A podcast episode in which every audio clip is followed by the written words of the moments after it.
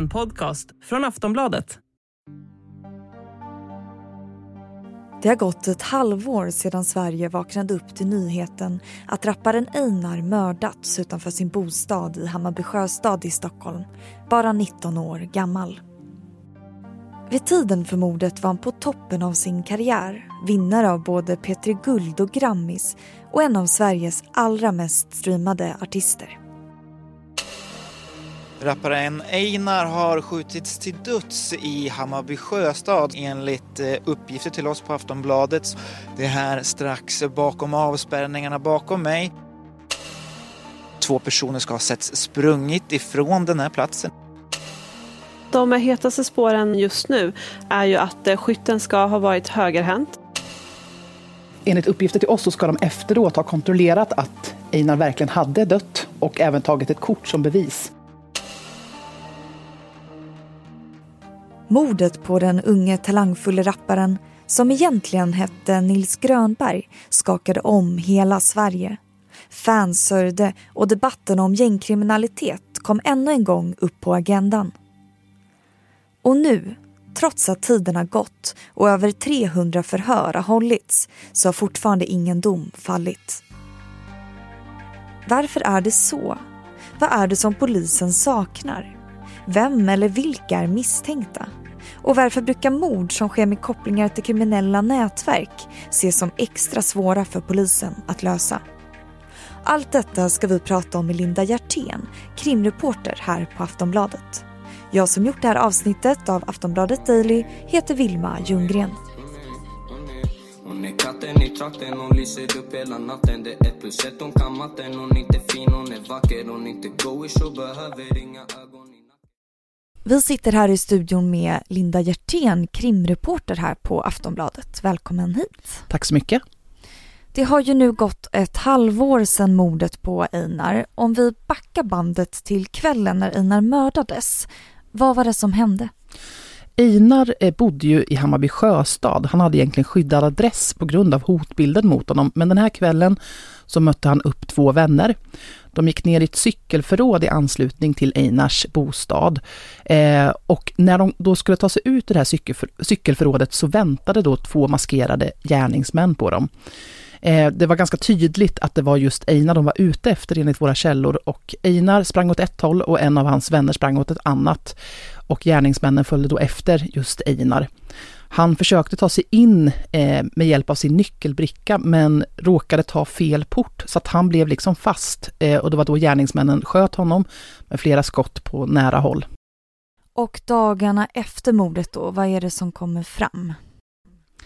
Ja, vad som hände den kvällen, det fick polisen ganska snabbt en tydlig bild av eh, hur händelseförloppet såg ut och vilka han befann sig med och eh, åt vilket håll eh, de olika parterna sprang. Men det som man verkligen saknade och fortfarande saknar är ju mordvapnet. Man har ju draggat i vattnet utanför Hammarby sjöstad, man har letat på flera andra olika ställen men man har ännu inte hittat mordvapnet. Men ganska snart enligt våra källor fick polisen en ganska tydlig bild av vad som hade hänt och även efter ytterligare lite tid vilka som eh, troligtvis ligger bakom detta. Och polisutredningen den pågår ju fortfarande och har ju då pågått ett tag. Var i utredningen befinner vi oss just nu? Ja, enligt våra källor så handlar det väldigt mycket om att man faktiskt anser det här vara ganska polisiärt uppklarat som man kallar det. Och det kallar man ett fall när man vet tror sig veta liksom vad som har hänt och varför, men man helt enkelt inte har nog för att lagföra någon. För det som saknas i det här ärendet, liksom i väldigt många av de andra dödsskjutningarna, för det här är ju ett väldigt svåruppklarat, eh, en väldigt svåruppklarad form av brott, är ju just den tekniska bevisningen. Man behöver ju någonting som knyter gärningsmännen till platsen. Eh, man behöver ju också någonting som knyter de som man tror har anstiftat mordet, det vill säga har beställt mordet till gärningen. Men i nuläget finns inte som bevisning.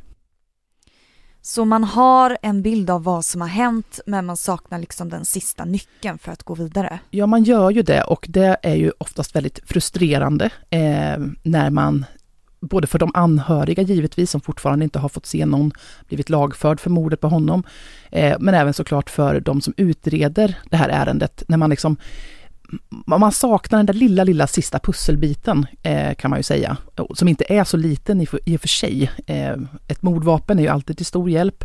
Eh, Likaså såklart kommunikation om man kan hitta sån som liksom visar eh, kommunikation innan, innan mordet eh, och planeringen av mordet. Men det finns alltså misstänkta gärningsmän. Kan man säga någonting om dem? Ja, alltså så här. Det finns ingen som är delgiven misstanke för eh, mordet på Einar. Eh, så att det finns ingen misstänkt i Einar-ärendet som är alltså formellt misstänkt. Men enligt våra källor så tror man sig veta vem en av de här gärningsmännen var, alltså en av skyttarna. Och den personen är en ganska ung man som sitter häktad just nu misstänkt för en annan skjutning, för inblandning i en annan skjutning. Eh, men man har inte kunnat delge honom misstanke för mordet på Einar eftersom det helt enkelt inte finns någon teknisk bevisning som knyter honom till det. Men det man ju nu hoppas, i och med att han sitter frihetsberövad för ett annat, eh, en annan skjutning, är ju att kunna hitta den pusselbiten även till liksom Einar-fallet. Ehm, den här personen då, det, man, det lilla vi kan berätta om honom är att han är känd som torped, alltså han kopplas till ett antal skjutningar. Eh, alltså han är en person som då mot betalning eh, utför den här typen av eh, gärningar. Eh, man tror alltså inte att han personligen hade något agg mot Einar som gjorde att han hade något personligt motiv att vilja mörda honom, utan att han ska ha gjort det för just pengar. Aftonbladet Daily är strax tillbaka.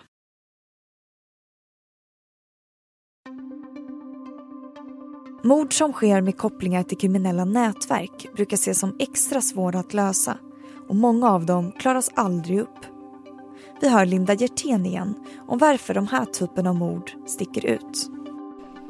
Det där är jättesvårt att sätta eh, en etikett på, för ganska ofta ser man ju i den här typen av ärenden, eh, de här unga killarna som skjuts till döds, eh, ofta säger polisen att de har gängkriminella kopplingar. När man tittar på det så är oftast kopplingarna ganska vaga. Alltså när blir man en gängkriminell? Är det för att du umgås med andra gängkriminella? Är det för att du är släkt med andra gängkriminella?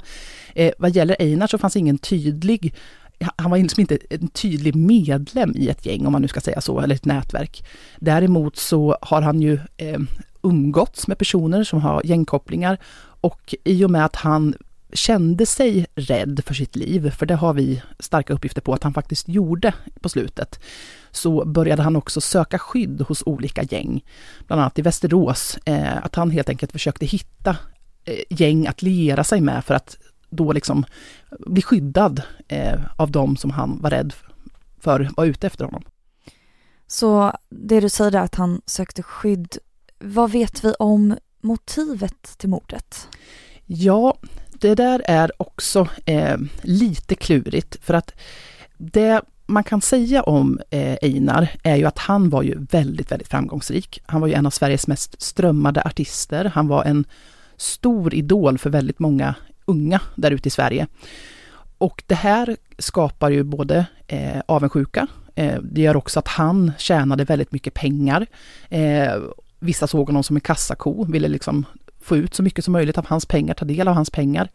Eh, det finns också i den här världen av gangsterrap, om vi nu ska säga så, ett problem i att om det du rappar om måste vara äkta om du rappar om att du har ett vapen, då måste du också ha ett vapen. Att det har blivit lite av den kulturen. Vissa tyckte att han kanske rappade om saker som han inte hade rätt att rappa om. Att han egentligen inte levde det tuffa liv som han eh, på, alltså påstod sig i sina texter att göra.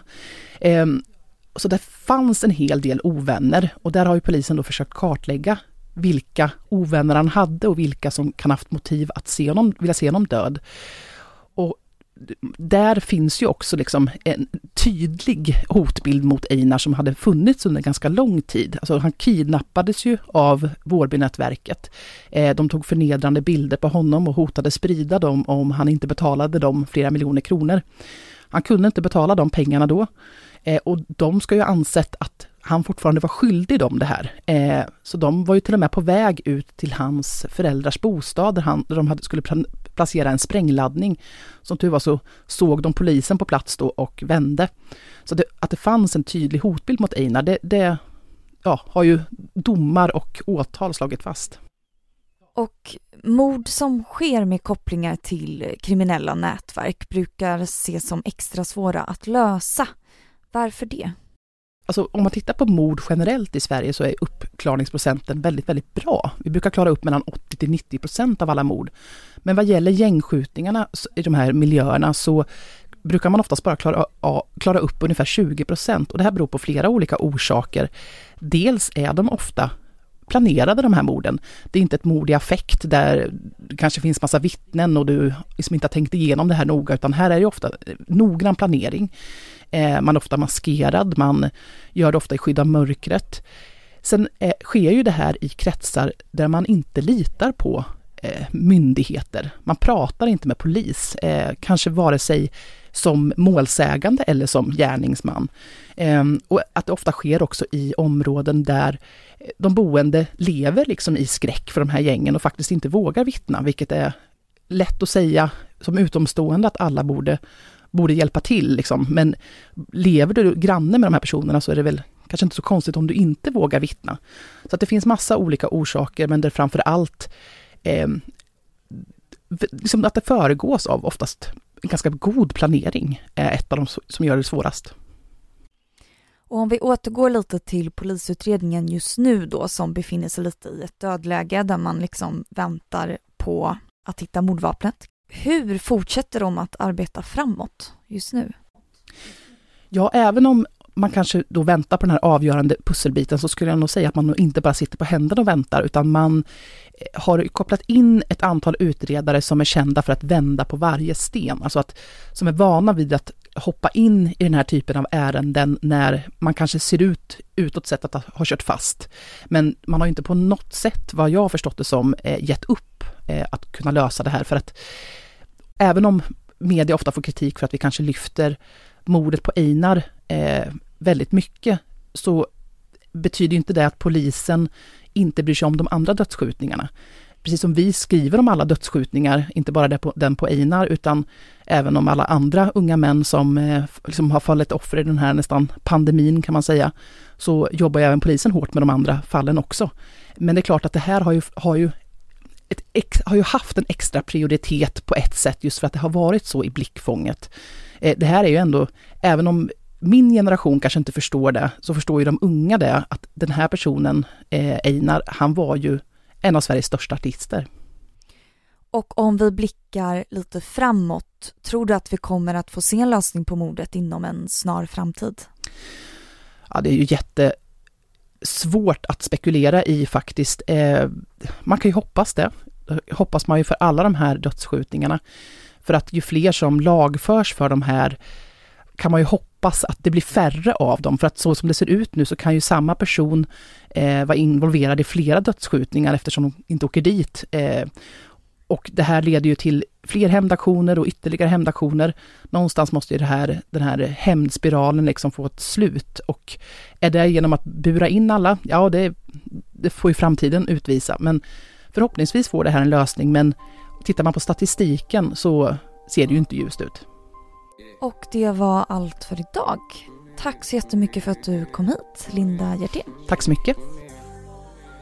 Du har lyssnat på Aftonbladet Daily med Linda Hjertén, krimreporter här på Aftonbladet och med mig, Vilma Ljunggren. Tack för att du har lyssnat.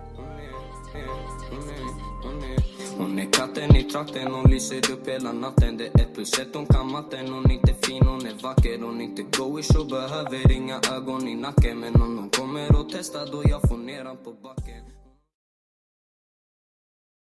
Du har lyssnat på en podcast från Aftonbladet. Ansvarig utgivare är Lena K Samuelsson.